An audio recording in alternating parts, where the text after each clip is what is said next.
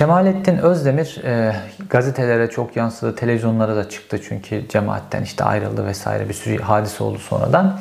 E, son dönemlerde de belki çıkmıştır, takip etmedim. Kemalettin Özdemir o dönem e, işte hep haberlerde e, sonrasında da e, işte cemaatin emniyetten sorumlu kişisi vesaire diye anıldı ama aslında Kemalettin Özdemir neredeyse o dönemde bütün bürokrasi ile ilişkileri olan birisi. İşte hem cemaat adına bürokrasiyle görüşüyor hem cemaatten bürokraside kim varsa filan onlarla irtibatları var. Her her kurumda yani sadece emniyette filan değil. Acayip güçlü bir adam Kemalettin Özdemir. Böyle hitabeti de güçlü, dini bilgileri de güçlü filan böyle kendine göre karizması olan bir adam. Ve Hanifi Avcı Kemalettin Özdemir'le tanıştıktan sonra Kemalettin Özdemir de bu potansiyelin olduğunu görüyor. Ve devlet için en önemli şeylerden bir tanesi de alternatif bir lider adayı oluşturduğunuzda o lider adayının kendi hayatının içerisinde ileride kullanabileceğiniz çeşitli zafiyetlerin bu makam olabilir, para olabilir, kadın olabilir, çeşitli zafiyetlerin olduğunu tespit edebilmek. Kemalettin Özdemir ile ilgili istihbarat bu tes tespitleri de yaptıktan sonra Hanefi Avcı için artık Kemalettin Özdemir'e yatırım dönemi başlıyor. Ve Kemalettin Özdemir devlet içerisinde, cemaat içerisinde inanılmaz güçlendiriliyor. Neden? Cemaatin bir müşkülü var, bir problemi var devletle ilgili. Kemalettin Özdemir hemen diyor ki onu ben üstüme alayım, ben çözerim onu diyor. Ve gidiyor ondan sonra devlet onun o problemini çözüyor. Dolayısıyla Kemalettin Özdemir bütün sorunları çözen adam olarak cemaat içerisinde adım adım adım adım güçleniyor ve kendi çevresini oluşturuyor. Hatta o dönem Ankara'da öyle bir noktaya geliyor ki iş Ankara'da şöyle konuşuluyor cemaat içerisinde. İşte e, hocamızın başına bir iş gelirse, işte hakkın rahmetine kavuşursa falan yeni hocamız hazır filan diye bu derece güçleniyor Kemalettin Özdemir. Ve fakat Hanefi Avcı normal profesyonel bir istihbaratçının yapması gerektiği gibi Kemalettin Özdemir'le doğrudan ve çok yüz yüze görüşmeler gerçekleştirmiyor, gerçekleştirmiyor ve ulaklar kullanıyor. O ulaklardan en önemlisi Servet Pazarbaşı. Kemalettin Özdemir ile Hanefi Avcı arasında sürekli mekik dokuyor ve birkaç tane de polis memuru e, mekik dokuyor. Şimdi onların isimlerini söylemek istemiyorum çünkü Türkiye'de yargı çığırından çıktığı için e, adil de yargılanmayacaklardı. Kimse adil yargılanmıyor. Dolayısıyla bunların kendilerinin hayatını vesaire de tehlikeye atmamak için bunların isimlerini söylemiyorum ama zaten aslına bakarsanız devlet de biliyor bunların hepsini. Ama önemli kişi Servet e, Pazarbaşı denen esnaf. Ve e, Kemalettin Özdemir adım adım cemaat içerisinde güçlendiriliyor ve e, cemaat de yavaş yavaş Kemalettin Özdemir'in kendi başına otonom bir e, yapı kurmaya başladığını anlamaya e, başlıyor. Çünkü Kemalettin Özdemir'in cemaat içerisindeki işlediği bütün tezler e, cemaati tamamen devletin yörüngesine sokacak. Tamamen devletçi ağızla işlenen tezler ve bunları da cemaat içerisindeki belli kişiler fark ediyorlar ve yavaş yavaş Kemalettin Özdemir ekibine yönelik belli hamleler gelişiyor. Bu durumda Hanefi Avcı açısından alarm durumunun gelişmesine neden oluyor. Kemalettin Özdemir'in cemaat içerisinde önünü kesen belli adamlarla ilgili de çalışma yapılıyor. Çünkü Kemalettin Özdemir'i alternatif lider haline getirebilmek ya da cemaatten büyükçe bir parça koparabilmesini sağlayabilmek için önüne engel olan kişiler tespit ediliyor. Ve bunların ekarte edilmesi için bazı hamleler yapılıyor. Ve o dönem işte emniyet içerisinde e, Kemalettin Özdemir'in de dahil olduğu biçimde bir liste hazırlanıyor. Ve bu 6 kişilik bir liste. Ve bu listeyle ilgili bunlarla e, Fethullah Gülen'in bağını koparabilmek için bu önemli. E, bu kişilerin El-Kaideci olduğuna ilişkin bir istihbarat notu hazırlanıyor ve bu istihbarat notu Amerika'ya, FBI'ye ulaştırılıyor. FBI'ye ulaştırılınca FBI üzerinden bu kişilerin tamamının Amerika vizeleri iptal ediliyor. Ve bu kişiler e, Fethullah Gülen'e gidemez, onunla görüşemez. Dolayısıyla da arada bir bilgi alışverişi olamaz bir hale sokuluyorlar. Ve buradan şöyle bir planlama yapılıyor. Fethullah Gülen bu kişilerle görüşemiyorsa bu kişileri görevden alır, yerine yenilerini getirir. Dolayısıyla da Kemalettin Özdemir'in önüne engel olan bu kişilerin tamamı tasfiye olmuş olur. Hesap bu şekilde yapılıyor. Fakat e, cemaatin yönetimi bu kişileri görevden almamakta direniyor. bu El-Kaideci bildirimine rağmen ve işte çok uzun sürse de işte Amerika Birleşik Devletleri araştırma yapıyor vesaire. Daha sonra Wikileaks belgelerinde de çıktı.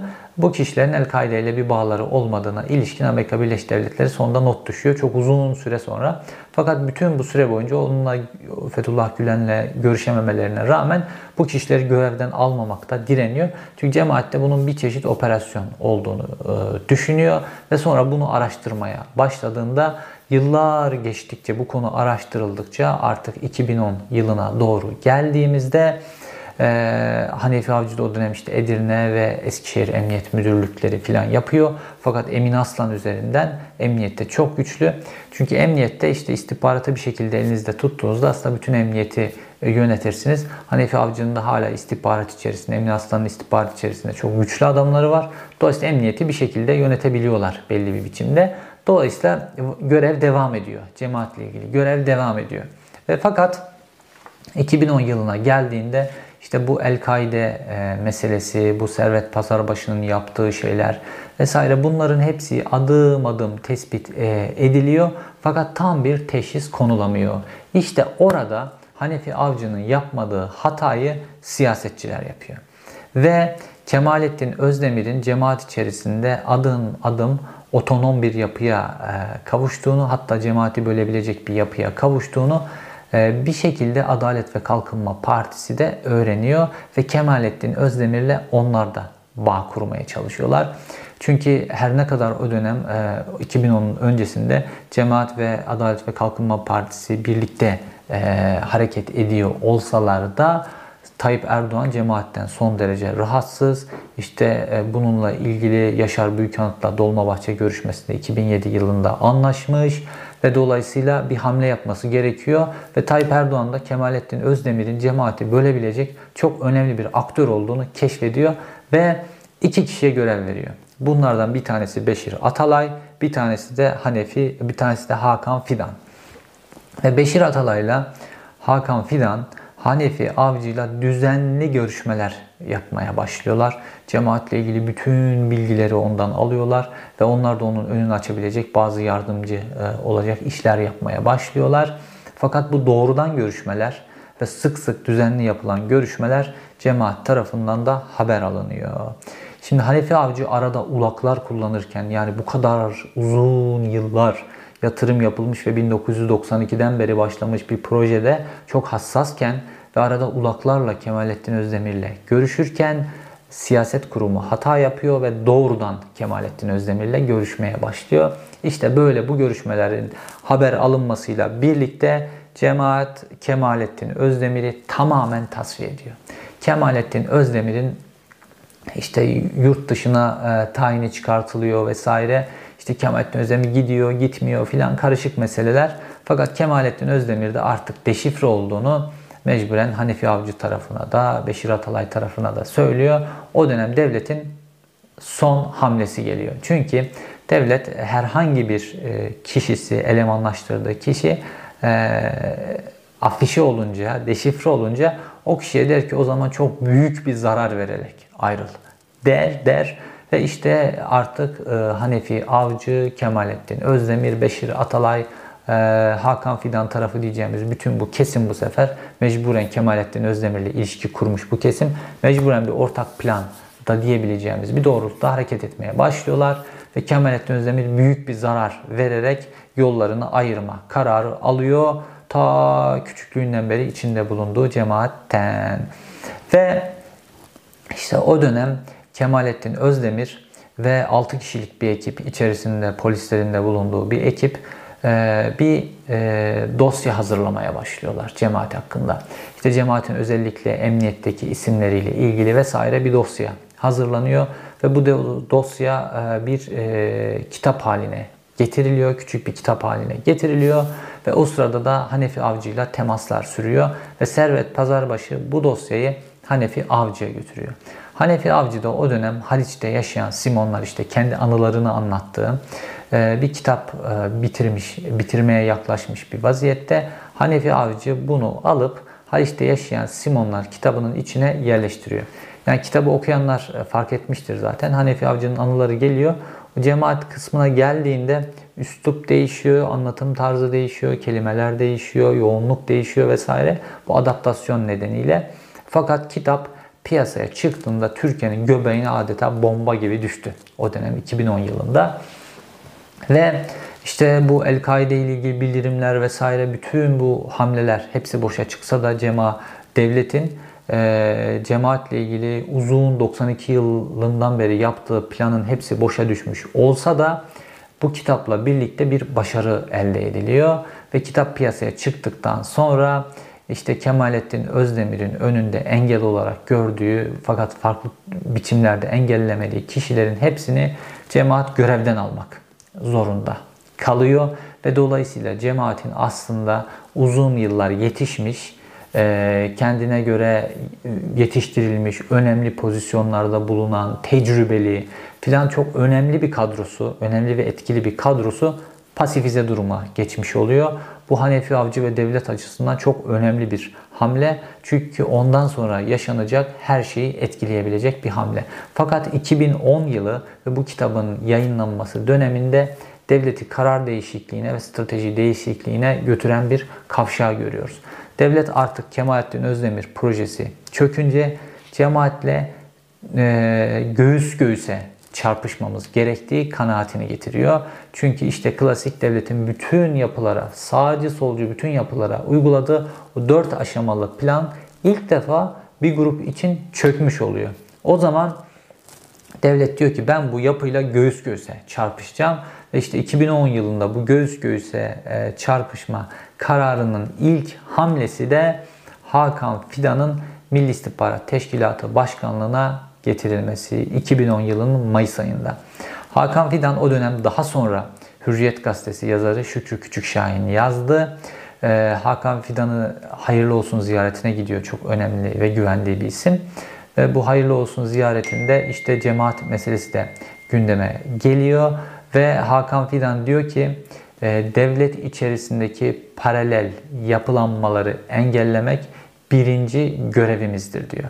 Ve Hakan Fidan gerçekten de Milli İstihbarat Teşkilatı'nın başına cemaati bitirmek için getirildi. 2010 yılının Mayıs ayında bu devletin siyaset kurumuyla birlikte cemaate yönelik e, göğüs göğüse çarpışma hamlesinin en açık adımıydı.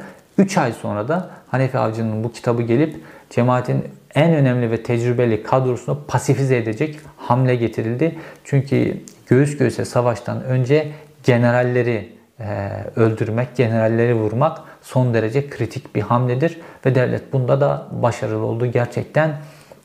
Ve 2010 yılından itibaren cemaatle devlet arasında göğüs göğüse savaş başlamış oldu. Geriye dönüp Hanefi Avcı'ya baktığımızda devletin tam istediği bir polis profili, tam istediği bir devlet adamı profili görüyoruz. Çünkü devlet kimi hedef almışsa işte 1980'de solcular hedef aldı. Hanefi Avcı Mersin'de solcuların karşısındaydı. işkence dahil her şey yaptı. İşte 80 sonrasına geldiğimizde 90'larda Kürtler hedefte, PKK hedefte. Hanefi Avcı Diyarbakır'da işte onların canını okuyacak PKK itirafçılığı, koruculuk vesaire gibi mekanizmaların içerisinde ve 2000'li yıllara geldiğimizde de işte cemaat hedefte ve bu sefer Hanefi Avcı tam olarak bu meselenin göbeğinde. Fakat o Hanefi Avcı'yı kahramanlaştıran adımlara geldiğimizde mesela 90'larda e, ne var? Hanefi Avcı işte askerlere karşı konuşuyor.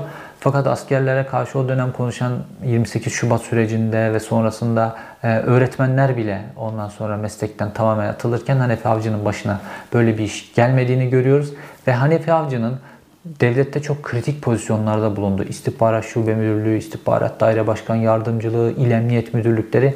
Bunların hepsine baktığımızda o kendisinin savaştığını söylediği derin devletle, kendisini o popüler yapan derin devletle savaşan polis müdürü söyleminin karşılığını görmüyoruz. Bir tane bile derin devletin adamına, bir tane bile o bahsettiği jitemciye, bahsettiği derin askerlere, veli küçüğe filan bunlara bir tane soruşturma, davaya ilerleyecek hiçbir hamle yapmadığını görüyoruz. Sadece söylemler var. Sadece söylemler bazında ilerliyor ve kontrollü söylemler derin devleti de kontrollü biçimde olması gerektiği düzeyde e, deşifre eden dolayısıyla devleti koruyan bir pozisyonda ve Türkiye Cumhuriyeti'nin tam istediği memurlardan bir tanesi. Fakat işte Türkiye Cumhuriyeti solculara, Kürtlere, cemaate bunların hepsine yapılan hak ihlallerinde neyse Hanefi Avcı da bunların içerisinde o derece yer alıyor. Türkiye'nin yakın tarihini anlayabilmemiz açısından şahıslar üzerinden şahısları tanıyabilmek çok önemli. Ama Hanefi Avcı'nın hikayesi bize aynı zamanda devletin hikayesini de anlattı. Şimdi ben size göğüs göğüse savaşın başladığı 2010 yılına kadarki dönemi anlattım. Tabi sonrasında 15 Temmuz'a kadar giden süreç var ama video çok uzadı. E, Ben de çok konuştum. E, Şimdilik burada bırakalım. Bu konu ikinci bir videonun konusu olarak kalsın.